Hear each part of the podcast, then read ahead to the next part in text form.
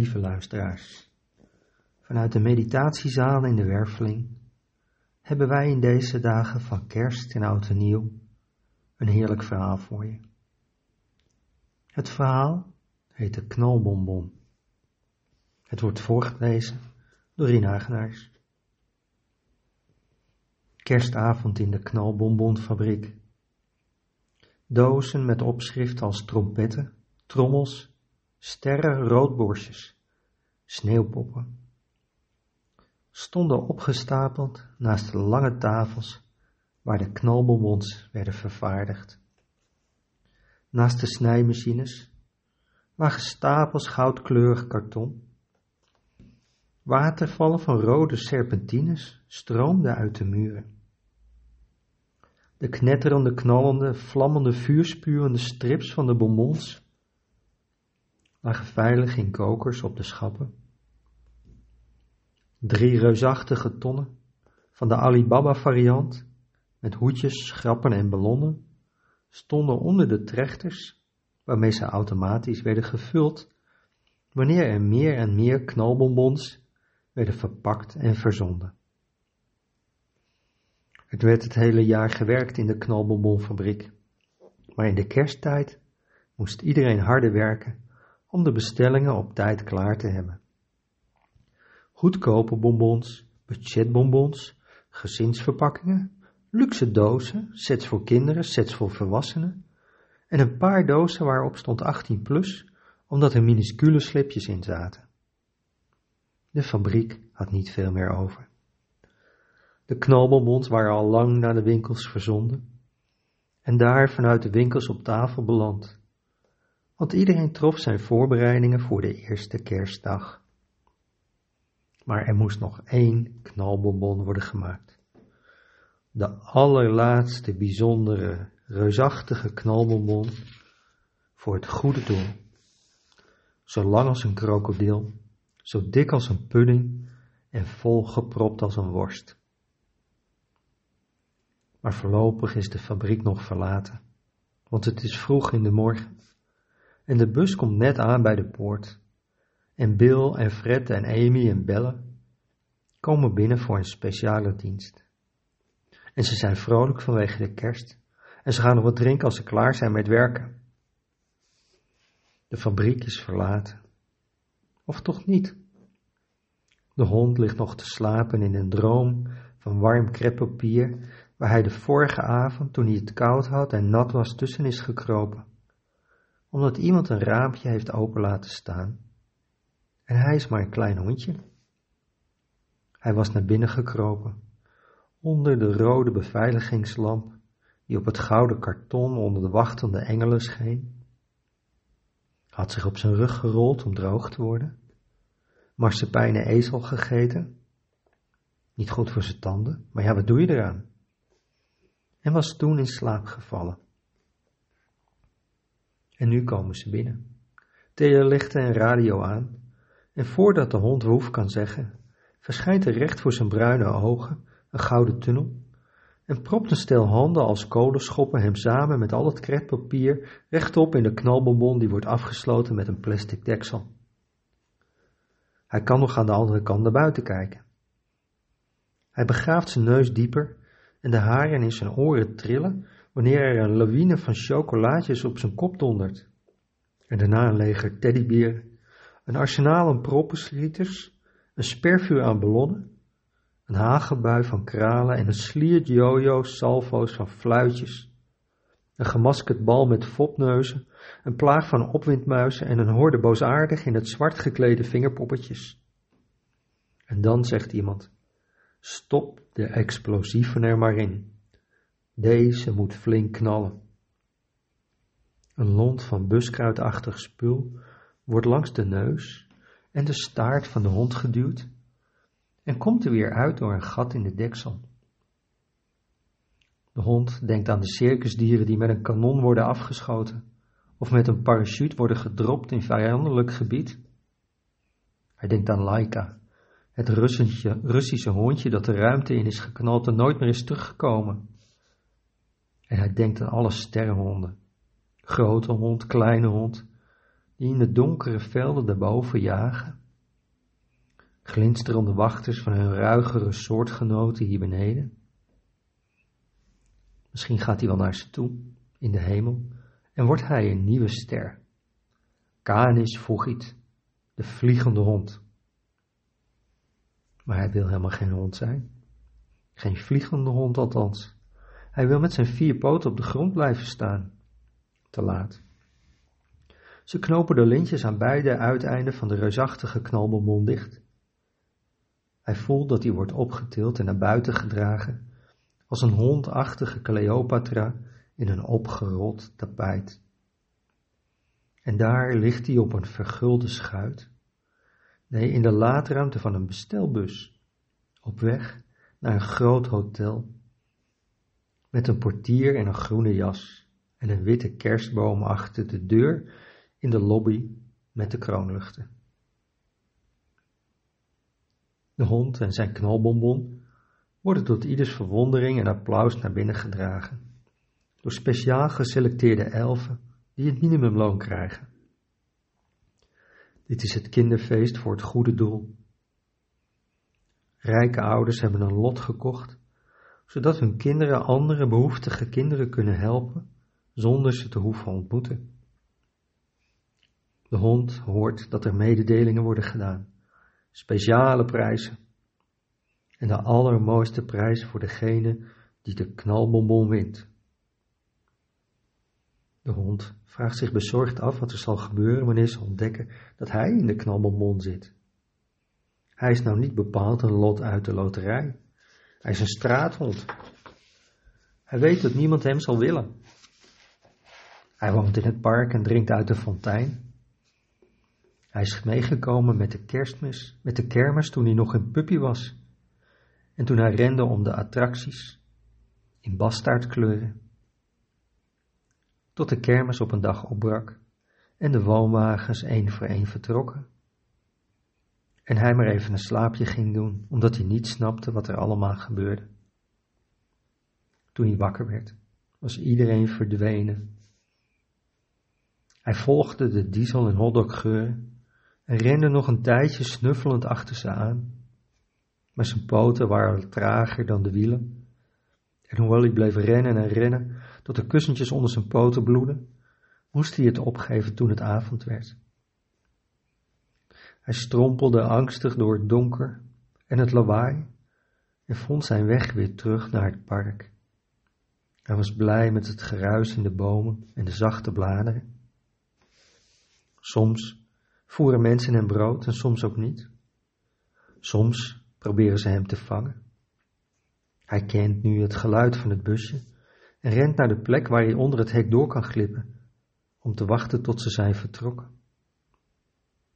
Soms slaapt er in het park wel eens een mens die hem wat aandacht geeft, maar de meeste trekken weer verder. Mensen zijn niet te vertrouwen, weet hij. De vorige avond had hij het heel koud. Hij was naar eten aan het schuimen. De man van de kebab was weer terug naar Turkije voor kerstmis. De hond hield van kebab. Hij snuffelde wat rond de vuilnisbakken. Maar de straten waren schoongemaakt voor de kerst. Toen hij over straat trippelde langs de muren, zag hij een raam openstaan en een brandend rood lampje. Het leek best warm binnen. De regen buiten was inmiddels overgegaan in natte sneeuw. Maar nu? Wat zal er gebeuren wanneer ze hem in de knalbonbon vinden? Hij hoort een hoop kabaal. Hij zal zich maar koest houden. De balzaal van het hotel zit vol met kinderen die met loterijbriefjes zwaaien. Het is tijd voor de prijzen. Poppen, spelletjes, speelgoed, gitaren. Radiografisch bestuurbare auto's. Er is een man in een glinsterend jasje en een microfoon. En hij staat op het podium te roepen dat de kinderen jingle bells moeten zingen. Dan is het tijd. De hoofdprijs. De knalbonbon. De elfen duwen hem het podium op. En wat wordt het winnende nummer? Ja, het is 999. Twee kinderen rennen naar voren. Eén dikke jongen in een rood elvispak en een slank meisje in een jasje van netbond. Maar is er iets fout gegaan? Er zijn twee winnende loten. De kinderen kijken elkaar boos aan en gaan allebei aan een andere kant van de knalbonbon in de gevechtshouding staan. De zaal stroomt vol met dierlijke energie wanneer de kinderen in de zaal partij kiezen. Trekken, trekken, trekken. De dikke jongen grijpt het ene uiteinde vast met zijn dikke handen. En het slanke meisje zet haar hakken in het tapijt en blijft gewoon beet houden, zoals ze haar moeder ook vaak heeft zien doen bij de uitverkoop. Maar dan verschijnt er een bleek, rustig jongetje, dat de ceremoniemeester zijn lot overhandigt. Hij heeft ook 999. De ceremoniemeester krabt aan zijn pruik. Nou, ik weet ook niet wat er in deze knallende, reusachtige, reusachtig opwindende knalbonbon zit, maar jullie zullen het moeten delen. De kinderen in de balzaal beginnen te joelen. Delen is voor sukkels, zegt het slanke meisje. Het is kerstmis, zegt de ceremoniemeester, alsof een simpele constatering van de feiten tot een wonder zal leiden. Het rustige bleke jongetje houdt zich op de vlakte, terwijl de jongen in het rode pak nog roder wordt dan zijn pak en aan de knalbonbon blijft trekken en trekken. Ook het meisje gooit haar hele lichaamsgewicht op de knalbonbon om te voorkomen dat haar nieuwe vijand, de dikke jongen, de prijs wint. Het bleke rustige jongetje staat gewoon in het midden met zijn briefje en vraagt zich af waarom hij een poot door de scheur ziet steken. Pang! Het kneelt, het knalt alsof iemand het atomen heeft gespleten. Er hangt een paddenstoelenwolk van chocola en jojo's en fopneuzen en vingerpoppetjes in de lucht. En heel even hangt het in een volmaakte ruimte. Dan klettert de inhoud van de knalbonbon overal neer in de balzaal. En is het ieder kind voor zich. Eén groot gevecht om zilveren munten en plastic spinnen. Waardoor niemand merkt dat een kleine terrier met een papieren hoedje om zijn nek een vrije val maakt door de rokerige bijtende lucht. Waar is het grote cadeau? vraagt de dikke jongen. Ik heb gewonnen. Ik wil het grote cadeau. Ondertussen komt de hond op zijn pootjes terecht. Wat moet die hond in de knalbonbon? schreeuwt het meisje.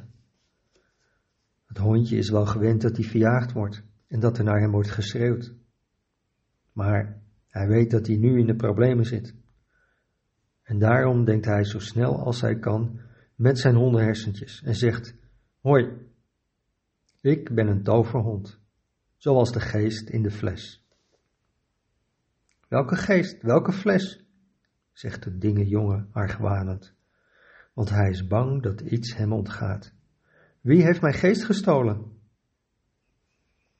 Ja hoor, als jij een toverhond bent, mag ik drie wensen doen, zegt het slanke meisje.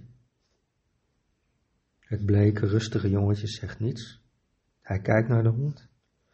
Oké, jullie mogen allemaal één wens doen, zegt de hond, terwijl hij met zijn snuit naar de kinderen wijst. Eén, twee, drie, zeg het maar. Ik wil een Ferrari, schreeuwt de dikke jongen. Komt voor elkaar, zegt het hondje. Geef me een minuut of tien. Het hondje duikt onder het lange tafellaken, rent naar de andere kant van de balzaal en hij wil alleen maar ontsnappen. Hij glimmert over een geboende vloer, over het tapijt langs de garderobe, ziet het groene bondje, bordje van de nooduitgang en denkt, die is voor mij bedoeld. Dit is een noodgeval. Ren, hondje, ren! Hij stuift de smalle betonnen roetsbaan af, belandt op zijn kop in een ondergrondse parkeergarage Zet de Ferrari eens in vak 16, roept de parkeerwacht en gooit de sleutels door de lucht naar zijn assistent.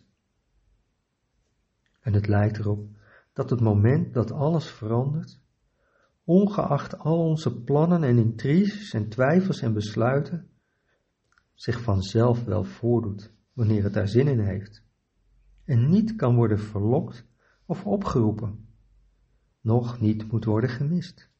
En het hondje miste niet. Hij stond op zijn achterpoten, hij sprong.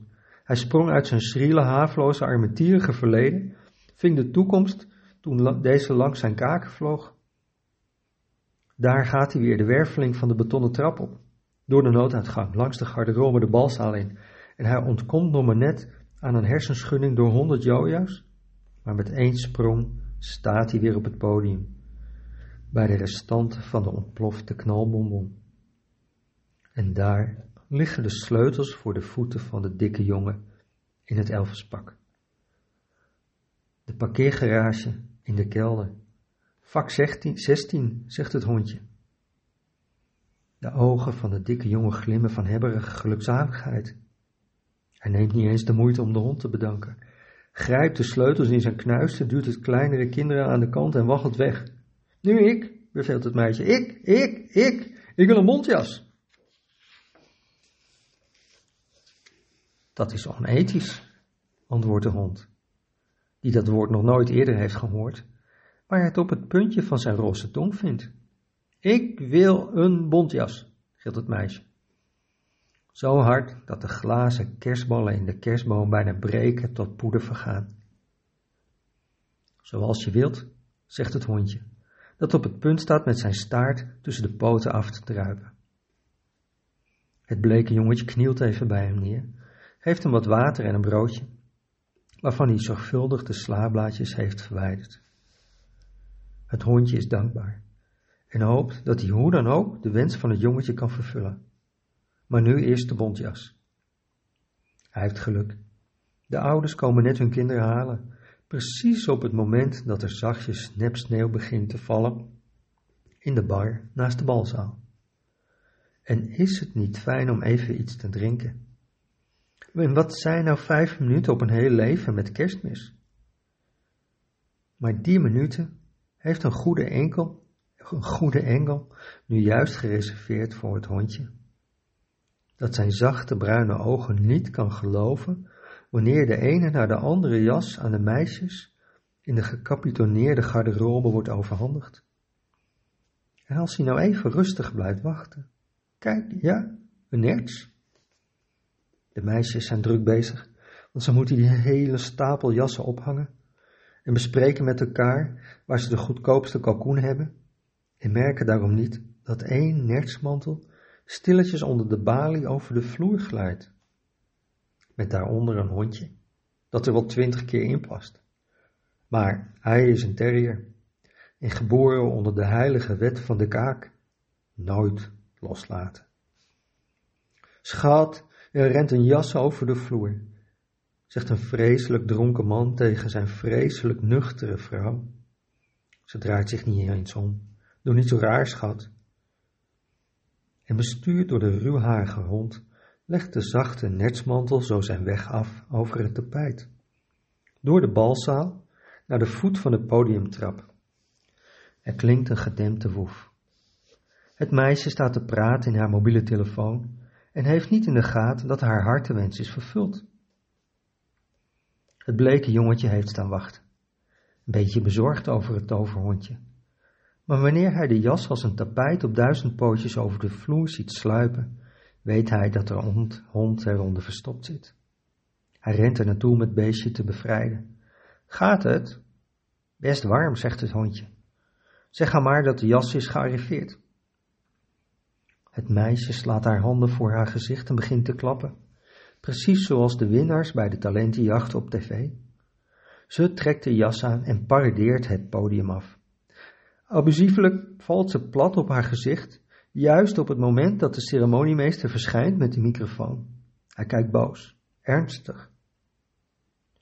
Het winnende lot 999 blijkt uiteindelijk toch niet met drie te zijn vermenigvuldigd. Het waren geen kerstelfjes, maar viltstiften.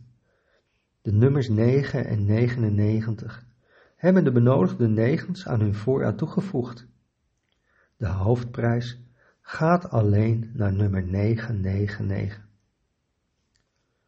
Het bleke jongetje heeft nog steeds zijn lot in de hand. De ceremoniemeester inspecteert het met een vergrootglas. Ja, dit is hem. Het orgel zet jingle bells in. Niet hard genoeg helaas om de enorme klap in de hotellobby te overstemmen. Want iedereen rent naar de deur en ziet hoe een rode Ferrari geparkeerd is in een scherve zee van spiegelglas. Met een rood aangelopen jongen in een rood pak achter het stuur. De witte kerstboom is door het zonnedak gedrongen en de groene portier ligt met zijn armen en benen wijd op de motorkap. Het komt door die hond, schreeuwt de jongen, wanneer hij door beveiligingsmedewerkers uit de auto wordt gesleurd. Het meisje in de bontjas giert van haar lachen, kan haar telefoon amper stilhouden om een foto te nemen. Wanneer ze beide handen boven haar hoofd houdt, wordt er een paar handboeien om haar polsen geklikt. Dat meisje heeft mijn jas gestolen. Het Russische model is helemaal niet blij. Ik ben een vriendin van president Poetin. Ik heb hem van die hond gekregen, jankt het meisje. Arresteer die hond. Maar de hond is nergens te zien. De hond is achter het opblaasbare rendier in de balzaal gekropen en gaat echt niet tevoorschijn komen. Terwijl de ruzie in de hotellobby de omvang van een slagroomtaart aanneemt, neemt de ceremoniemeester het bleke jongetje mee naar een gouden doos met een rode strik. Hij zegt dat hij de doos moet openmaken. Aarzelend trekt het jongetje aan het lintje, want hij is helemaal niet gewend grote cadeaus te kijken, krijgen. Hij en zijn moeder hebben niet veel geld. En in de doos zit een mountainbike. Helemaal voor jou, zegt de ceremoniemeester. Heerlijk gewonnen. Wanneer hij alleen is met zijn fiets, voelt de jongen met zijn handen aan de schone tandraderen. De soepele versnellingen, het lichtgewichte frame en het stuur. Wauw, dit is de beste fiets van de hele wereld.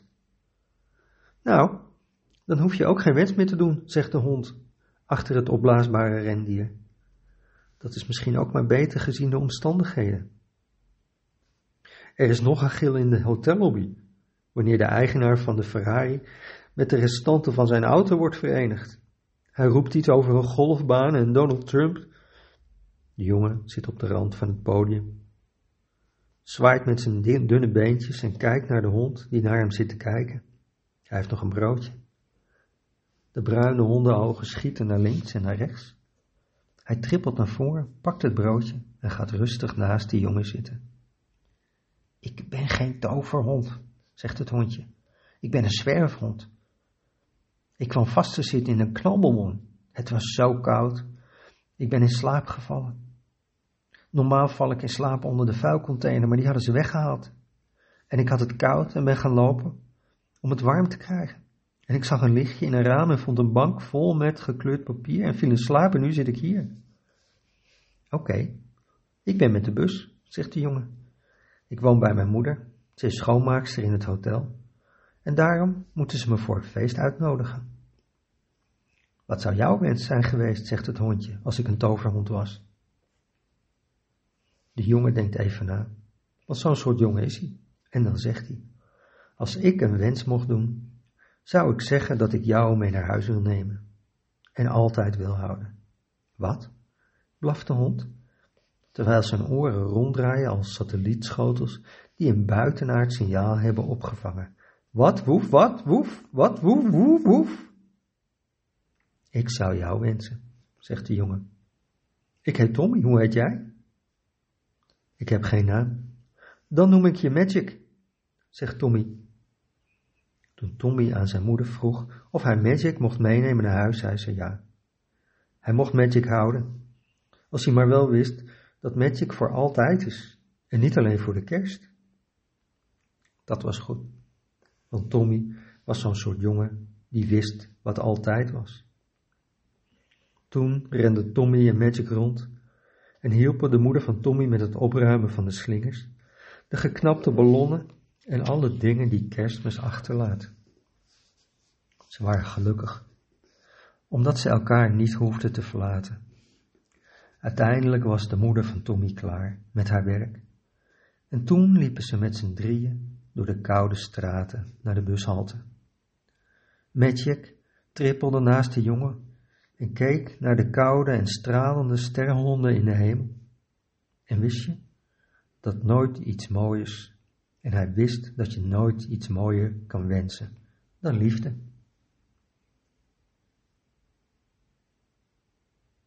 En aan het einde van dit mooie verhaal wensen wij, Celeste, ikzelf, het hele team van de Werveling, jou een heerlijke kerst. Geniet ervan. Dank voor alles wat jullie ons hebben gebracht dit jaar en we hopen jullie graag weer te zien in het nieuwe jaar.